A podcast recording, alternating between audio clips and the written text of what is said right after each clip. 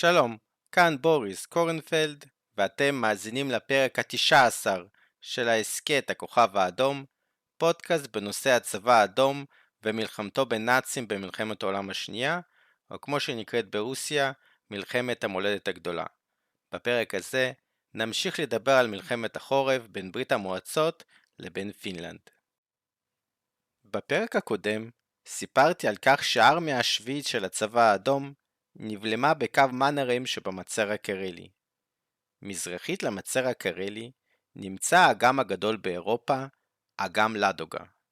בנוסף לניסיון לפרוץ את הקו שבמצר הקרלי, הסובייטים ניסו גם לעקוף אותו מהצד השני של האגם לדוגה. כלומר, הסובייטים רצו להגיע מצפון מזרח לאגם, ובכך לעקוף את עיקר הביצורים הפיניים שבמצר הקרלי. האזור שמצפון לאגם מאוד קשה להתקדמות הכוחות, והפינים הניחו כי הסובייטים לא יצליחו לרכז באזור כוחות גדולים. להפתעת הפינים, הסובייטים סללו לאזור ענף של מסילת הברזל שעוברת בין מורמנסק ללנינגרד, וריכזו באזור את הארמיה השמינית, שכללה שש דיוויזיות, תחת פיקודו של קומדיב חברוב. הפינים ריכזו את רוב הכוחות שלהם באזור, קורפוס 1, בקרבת אגם לאדוגה, סביבו היו הכבישים הטובים ביותר. הצבא האדום, שהתקדם בסמיכות לחוף האגם, דחק את הפינים צפונה. ב-10 בדצמבר, הצבא האדום כבש את העיירה פיטקרנדה, אשר משמעותה בקרלית הוא החוף הארוך. העיירה נמצאת בפינה הצפון-מזרחית של אגם לאדוגה. צפונית משם, הדרכים היו מועטות וצרות. ברוב הדרכים אפילו שתי משאיות לא יכלו לעבור זו בצמוד לזו. לכן, הפינים סגרו את כל אחת מהדרכים האלה בפלוגת משמר הגבול ובגדוד אנשי מילואים. לעומת זאת, הסובייטים התקיפו על כל אחד מהצירים האלה עם דיוויזיית חי"ר מגובה בתותחים ובטנקים קלים. כך, מול כאלף חיילים פינים, לסובייטים היו כ-15 אלף חיילים. באחת הדרכים האלה, לא הרחק מעיירת טולווה ירבי, ב-12 בדצמבר, התרחש הניצחון הראשון של צבא פינלנד על הצבא האדום. עד אז, במשך כמעט שבועיים, הצבא האדום התקדם, בעוד הצבא הפיני נסוג. מפקד הפינים בקרב היה פאבו טלוולה. טלוולה שירת במלחמת העולם השנייה בגדוד היגרים הפיני בצבא גרמניה. ב-1917 טלוולה נשלח לפינלנד למשימה סודית, אך נעצר בגבול שוודיה-פינלנד לכמה חודשים. ב-1918 טלוולה הצטרף לפינים הלבנים במלחמת האזרחים הפינים, תחילה כסגן, אך תוך שלושה חודשים הוא עלה לדרגת רב סרן. ב-1919 טלוולה פרש מהצבא כדי להתנדב ולפקד על הפלישה לקרליה הסובייטית. לאחר חתימה על הסכם טרטור בין ברית המועצות לפינלנד ב-1920, טלוולה נשאר בקרליה ועסק בפעילות פרטיזנית כנגד הסובייטים עד 1922, אז טלוולה חזר לפינלנד כגיבור לאומי. טלוולה המשיך את שירותו הצבאי והפך למפקד חטיבה ב-1928. לאחר מכן, טלוולה פרש מהצבא והצטרף לתנועת הלאפואה שהוצא בפינלנד מחוץ לחוק ב-1932. ב-1939 טלוולה חזר לצבא לתפקיד מטה. טלוולה היה אחד המומחים הגדולים של פינלנד ללחימה בשטח קרליה הצפונית, שטח שכאמור מלא ביערות, אגמים ודרכים צרות. טלוולה גרס כי על הפינים לתקוף ולא להגן בשטח הצפון קרלי. עם תחילת הקרבות, טלוולה ביקש ממנהרם לקבל פיקוד על כוחות בחזית. מנהרם נענה לבקשתו ושלח את טלוולה עם חטיבה 16 של כ-3,000 חיילים שהיו תחת פיקודו של אהרו פייארי. בשטח, טלוולה היה אמור לקחת את הפיקוד על עוד ארבעה גדודי חי"ר וגדוד ארטילרי ולעצור את התקדמות הדיוויזיה ה-139 של הצבא האדום בקרליה. מפקד הדיוויזיה מספר 139 בצבא האדום היה גם קצין מנוסה, קומבריג בלייב, אשר היה קצין עוד בצבא הצאר. בלייב התקדם במהלך שני העשורים בדרגות, עד שהפך למפקד אוגדה 139. בתחילת הקרבות, למרות תנאי השטח, האוגדה של בלייב התקדמה במהירות גדולה, תוך שהיא דוחקת את הכוחות הפינים המעטים בגזרה. כך, עד ל-7 וה-8 בדצמבר, האוגדה עברה בהצלחה מרחק של כ-80 קילומטרים בשטח הפיני. כל ניסיונות הבלימה של הפינים נכשלו, בגלל שהכוחות הסובייטיים היו מאגפים אותם בצורה יעילה. האוגדה 139 נעצרה ליד האגמים חירבס ירבי הצפוני יותר וטולבו ירבי הדרומי יותר, כאשר הכפר טולבו ירבי היה על הגדה המערבית של אגם טולבו ירבי. בעונה הזו האגמים היו קפואים. המעבר בין האגמים, בו עוברת הדרך היחידה באזור, היה כל כך צר, שלפעמים בין האגמים מפרידים מטרים בודדים של הכביש. מבחינת הסובייטים, המעבר בדרך וכיבוש הכפר היו הכרחיים. עד לאזור זה הובילה דרך יחידה, ואילו מערבית לאזור זה נמצאת העיירה ורצילה, בה עוברת מסילת הברזל הפינית עמוק בעורף הפיני, ואחריה יש כבר כבישים טובים, עליהם אפשר להתקדם במהירות. כך, הצבא האדום היה יכול לעקוף את כל הכוחות הפינים במצר הקרלי ולתקוף אותם מהעורף. מאחר והאוגדה התקדמה על ציר צר, התותחים והטנקים נתקעו הרחק מאחור. בנוסף לכך, בשל תנאי מזג האוויר החורפי, טייסי חיל האוויר של הצבא האדום לא ביצעו טיסות באזור. כך, מול החי"ר הפיני היו שלוש חטיבות של החי"ר הסובייטי. לפינים ולסובייטים היה בדיוק את אותו הנשק, רובי מוסין רוסיים ומקלעי מקסים. כוחות הצבא האדום היו עייפים לאחר כמעט שבועיים של מסע. כל הזמן הזה החיילים ישנו בחוץ, בקור, ליד המדורות. לא היה מזון חם, כי המטבחים הצבאיים לא הדביקו את הכוחות. לסובייטים כמעט ולא היה שום מודיעין באזור. כך למשל דווח כי צוותי התותחים, המרגמות והמקלעים שנפרסו על הגדה המזרחית של אגם חיר וסיארבי הצפוני, ניהלו אש והפגזות במשך שעה שלמה, למרות שדווח כי לא היה אויב באזור. לעומת הפינים, לסובייטים לא היו בגדי הסוואה הלבנים, והם נראו היטב בשלג במאירים האפורים שלהם. לאזור זה, מאנרהם שלח את התגבורת תחת פיקודו של טל ולה, כדי לעצור את אוגדה 139 הסובייטית. גם התגבורת הפינית הגיעה ללא בגדי הסוואה. תחילה, הפינים פתחו באש על אנשיהם כי חשבו שאלה רוסים, ופצעו מספר חיילים. כדי להעלות את רוח הלחימה של חייליו, המח"ט הפיני, הארו פייארי, לקח פלוגה, ובחושך על קרח, עקף את מערכי ההגנה הרוסיים, והגיע אל העורף הסובייטי. מול הפינים, נראו מדורות סביבם ישבו חיילי הצבא האדום. הפינים נשכבו בשורה וירו מטח אחד על הסובייטים. לאחר מכן, כל הפלוגה הפינית נסוגה חזרה לאזור הפיני ללא אבדות. המתקפה גרמה להמולה בצד הסובייטי, שפתח באש לכל הכיוונים, אך כאמור לא פגע בפינים שהספיקו להסתלק מהאזור.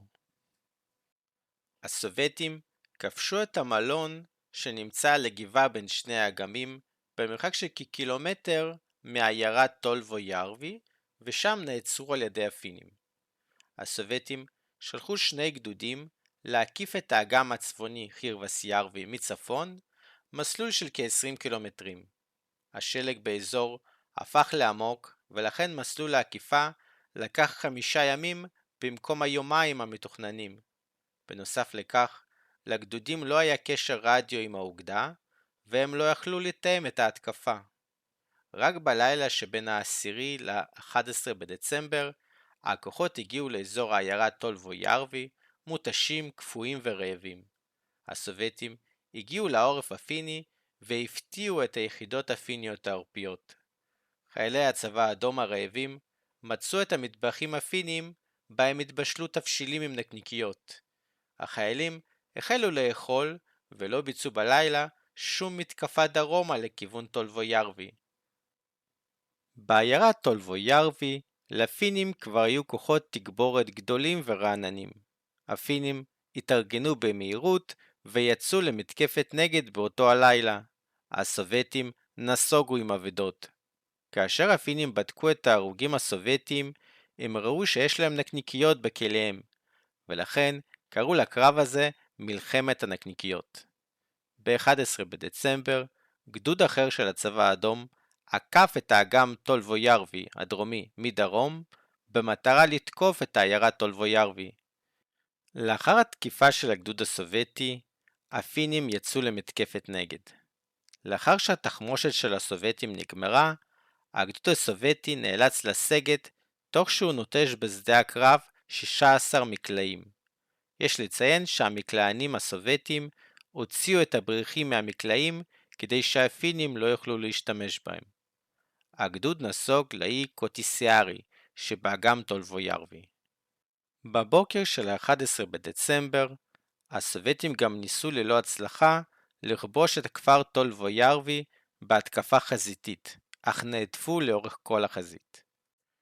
מהלכי האיגוף של קומבריג בלייב, שעבדו יפה בשבוע הראשון כאשר חייליו היו רעננים, הפסיקו לעבוד ב-10 וב-11 בדצמבר, כאשר מולו עמדה חטיבה פינית רעננה. בלייב שלח בקשה למפקד הארמיה השמינית חברוב לעצור את המתקפה, להביא את היחידות העורפיות, התותחנים והטנקים על החזית, לאפשר לחייליו לנוח ולאכול כמו שצריך. ביחידות הסובייטיות היו אבדות גדולות של הרוגים, פצועים ונפגעי קור. ליחידות מסוימות היו רק כמחצית מהלוחמים איתם הם פתחו את המלחמה. אבדות גדולות היו בקרב המפקדים. הפיקוד הבטיח כי דיוויזיה 75 תבוא לתגבר אותם, ונתן לבלייב רק יום אחד להתארגן. למחרת, ב-12 בדצמבר, לפי פקודת מפקד הקורפוס פאנין, על בלייב היה להמשיך את המתקפה. פאנין הבטיח כי כוחותיו של בלייב יקבלו סיוע אווירי. בלילה של ה-11 בדצמבר, בלייב, בהתייעצות עם מפקדי החטיבות שלו, הבין כי הפינים חזקים, ולמחרת יכול לקרות אסון לדיוויזיה שלו. בלייב הרים את הטלפון למפקדו, מפקד הקורפוס פאנין. פאנין, שבאותו הזמן ישב במפקדת הארמיה השמינית, פשוט העביר את הטלפון לסגן שר הביטחון הסובייטי, מר שרקוליק, שהיה באותו הזמן במפקדה. מר שרקוליק לא היה מעוניין כלל לשמוע את מפקד האוגדה בלייב, אלא פשוט הורה לו להמשיך במתקפה. כאמור, באותו הזמן הצבא האדום נעצר מול קו מנהריים, והפיקוד הסובייטי לחץ לעקוף את ביצורי הפינים מצפון לאגם לדוגה. הפינים גם הם תכננו להתחיל את מתקפתם ב-12 בדצמבר, ולמעשה הרוסים והפינים תקפו חזיתית זה את זה. הסיוע האווירי הסובייטי לא הגיע בשל מזג האוויר. מבחינת סדרי הכוחות, לסובייטים ולפינים היה בערך אותו מספר רובעים בקווים הקדמיים, אך הסובייטים היו מותשים, ואילו לפינים הייתה חטיבה רעננה שעשתה את עיקר ההבדל. לסובייטים היו חסרים הגדודים שנשלחו לבצע את הגופים, ולא שבו עד לקרב שב-12 בדצמבר. לבלייב לא היה קשר עם הגדודים שנשלחו לעשות את העיקוף מצפון, והוא הניח שהם נמצאים קרוב יותר לכפר טולבויארווי והשתתפו במתקפה, כאשר בפועל הגדודים נסוגו כחמישה קילומטרים צפונה לאחר התפוסה בקרב מלחמת הנקניקיות. המעבר בין האגמים היה מאוד צר, ומתקפה גדולה כאן הייתה אפשרית רק בחורף, כאשר האגמים קפואים. לאוגדה הסובייטית 139 היו שלוש חטיבות, 718 הצפונית באגם חירווסיירווי, הדרומית 364 באגם טולבויארווי וחטיבה 609 במעבר בין האגמים. ההתקפה הסובייטית למעשה לא נפתחה כלל בגלל האש ומתקפת הנגד הפינית. הפינים תקפו את הסובייטים לאורך כל החזית. בצפון ובדרום, המתקפה הפינית לא הצליחה להפקיע את הכוחות הסובייטים דרך האגמים והאיים. הסובייטים ספגו אבדות קשות, אך הצליחו לשמור על עמדותיהם. בצפון, הפינים אפילו הצליחו להשמיד את מפקדת החטיבה 718, אך בשל בלבול נסוגו חזרה לעמדותיהם. מפקד החטיבה נפצע אנושות, והגדודים של החטיבה שניסו לעקוף את האגם מצפון נסוגו.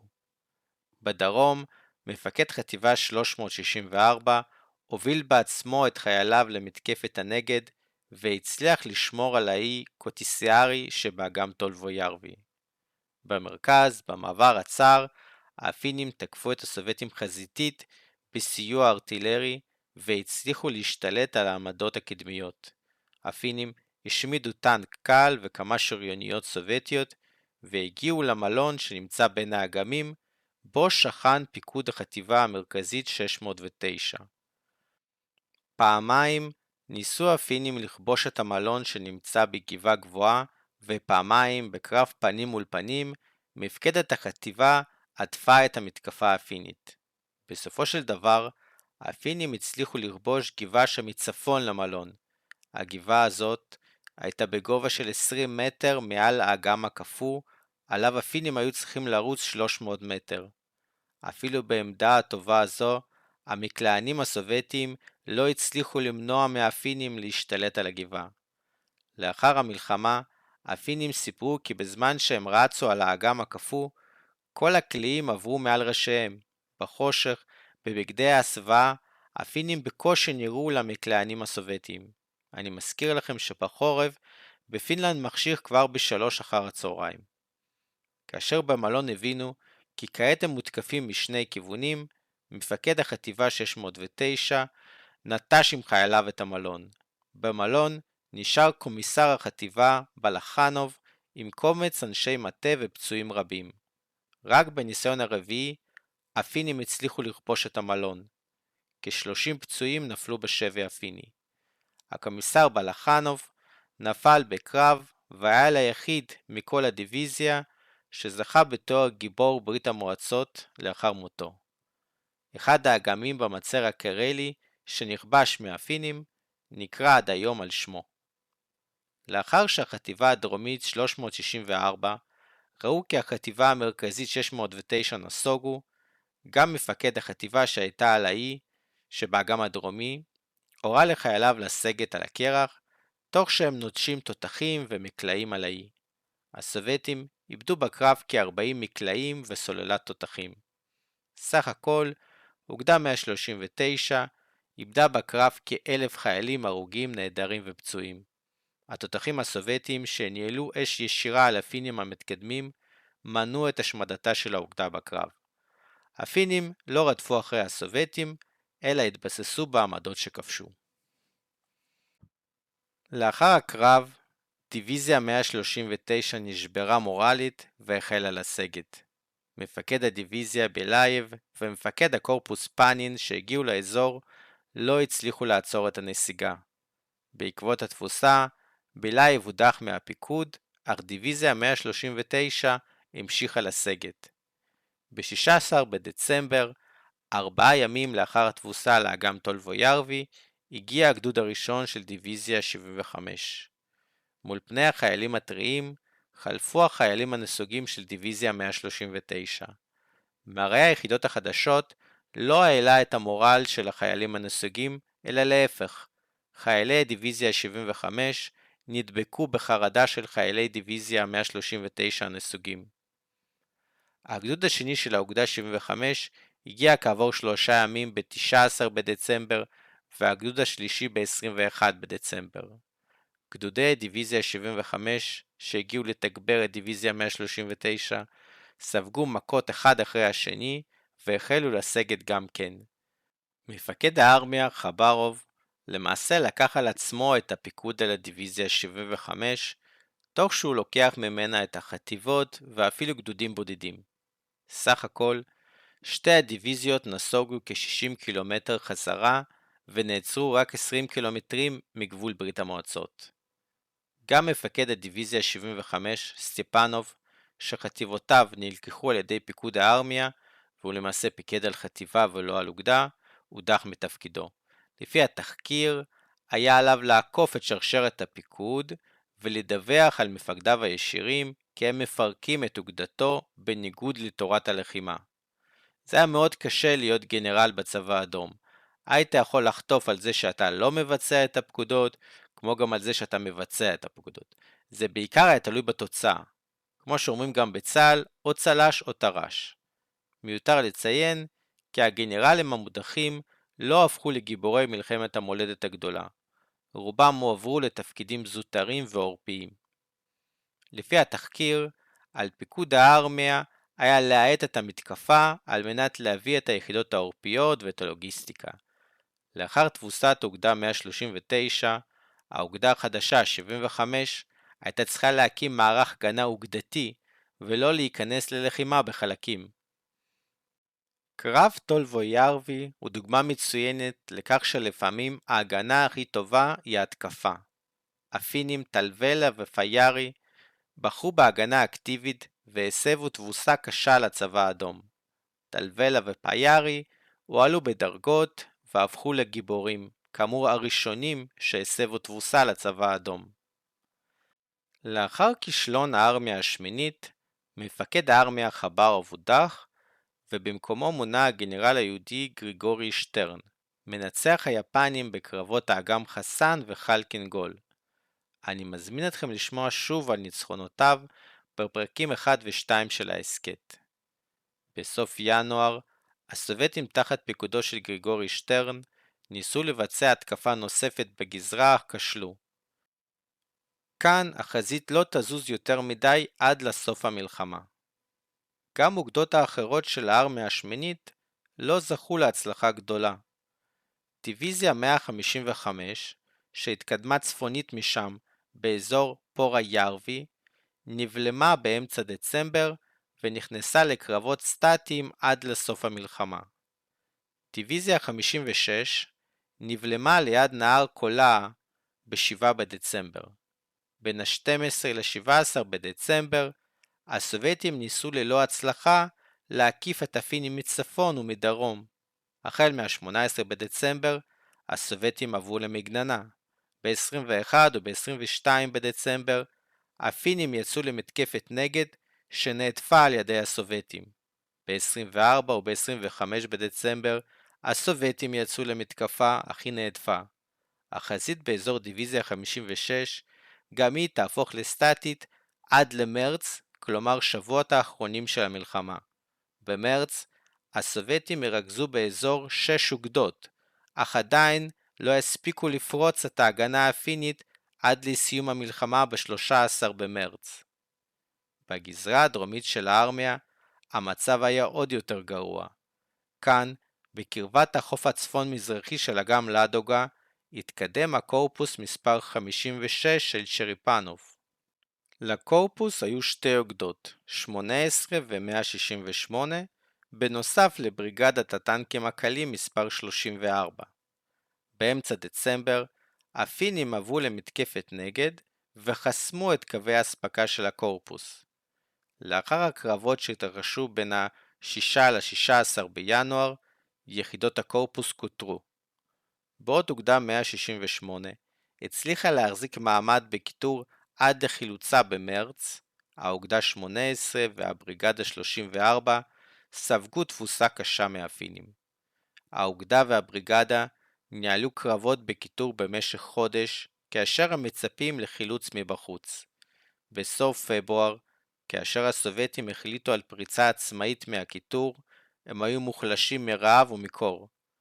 במהלך הפריצה מהכיתור, הבריגדה 34 והאוגדה 18 איבדו מעל למחצית מחייליהם ואת כל הציוד הכבד שלהם.